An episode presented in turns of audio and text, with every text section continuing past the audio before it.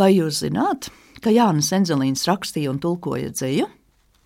Gimnāzijā jauneklis bija tik labi apguvis grieķu un latīņu valodu, ka rakstīja tajās dzējoļus un arī tulkoja latviešu valodā. 19. gadsimta 90. gados šie tulkojumi pat tika publicēti žurnālā Austrums ar pseidonīmu Kaugurietis.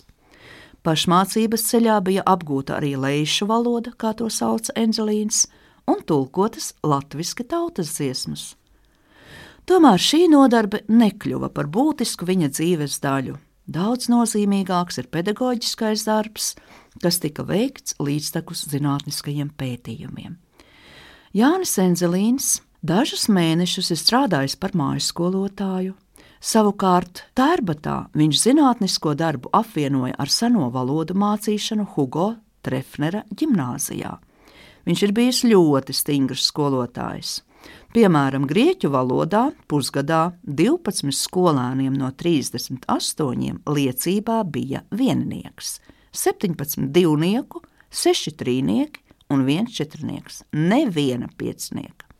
Enzelīnu uzskatīja par skarbu un ļoti prasīgu, bet interesantu skolotāju. Kopš 1903. gada Jānis Enzelīns ir strādājis trijās universitātēs. Jau minētajā Jurjevas jeb Tērbatas universitātē viņš lasīja latīņu valodas fonētikas, morfoloģijas un vēsturiskās gramatikas kursus, salīdzināmās valodniecības, latviešu valodas dialektoloģijas un vēstures, kā arī citus kursus. Harkivā pavadītos 11 gadus Enzelīns uzskatīja par ražīgāko savas lingvistiskās darbības laiku – Te tika uzrakstīti vairāki nozīmīgi darbi, kā arī universitātei docēti apmēram 20 teorētiskie lekciju kursi un vadītas praktiskās nodarbības dažādās valodās. Arī Latvijas universitātē profesors docēja dažādus valodas, vēstures un dažādu citu valodu kursus.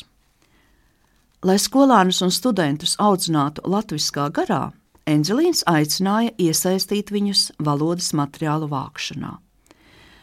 Profesors uzskatīja, ka studenti, kuri lūdz zinību komisijai atbalstu, tā varētu apliecināt savu interesi par tautas lietām. Viņš rakstīja: Piespriest tautas iedoto naudu tādiem, kam latviešu valoda vienaldzīga, nozīmē piespriest to naudu vairs neatdabūt un vairot karjeristu skaitu, bet tas ir pret latviešu interesēm. Dažādi ir vērtēta Enzelīna personība. No kolēģu studentu atmiņām iepazīstam valodnieku kā saupatīgu, prasīgu, ar asu domu un nesaudzīgu ironiju apveltītu cilvēku, arī spītīgu un vientuļu, dažkārt augstprātīgu. Viņam bija ne tikai izcilas zināšanas, bet arī milzīgas darba spējas, un lieliska atmiņa. Visur viņš ir ieradies precīzi, lekciju sācis līdz ar zvanu un beidzis līdz ar zvanu. Profesora kodolīgās valodas piemēriem un atsaucēm uz pētījumiem bagātās lekcijas netika lasītas no papīra. Tiesa, studentiem zināšanu trūkuma dēļ dažkārt bija grūti izsekot profesora domai. Eksāmeni notika individuāli. Saruna varēja ilgt pat 45 minūtes, un, ja atbilde profesoru iepriecināja, tad retumis bija iespēja dzirdēt uzslavu, pateicos par labu darbu. Savukārt tiem, kuri eksāmenam nebija sagatavojušies, tika pateikts, jūs šeit vairs nenāciet. Valija Dambe norāda, ka iepazīstot skarbo profesoru tuvāk, atklājās dziļa sirsnība un gatavība palīdzēt. Ja bija tāda vajadzība, ik katrs varēja ierasties pie viņa mājās, bet precīzi norunātajā laikā. Citādi bija jādodas atpakaļ. Rīgas dzīvoklī viesis tapa pacienāts ar konfektēm, koknesē ar augļiem un citiem gardumiem, meitenēm puķis tika dāvinātas.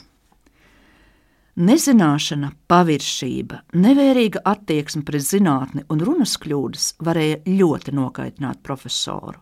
Tad viņa seja kļuva sarkana, acis šķīla zibeņus un skanēja asi, īgni, zobgalīgi aizrādījumi.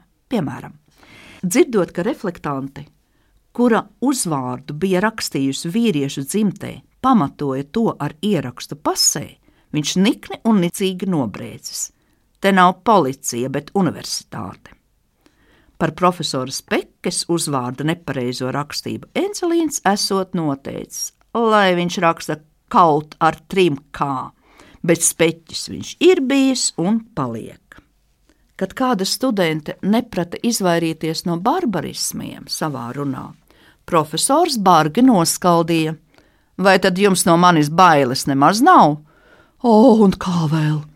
Satraukumā iesaukusies norātā, par ko Enzelīns ir sācis skaļi smieties. Konflikts bija atrisināts.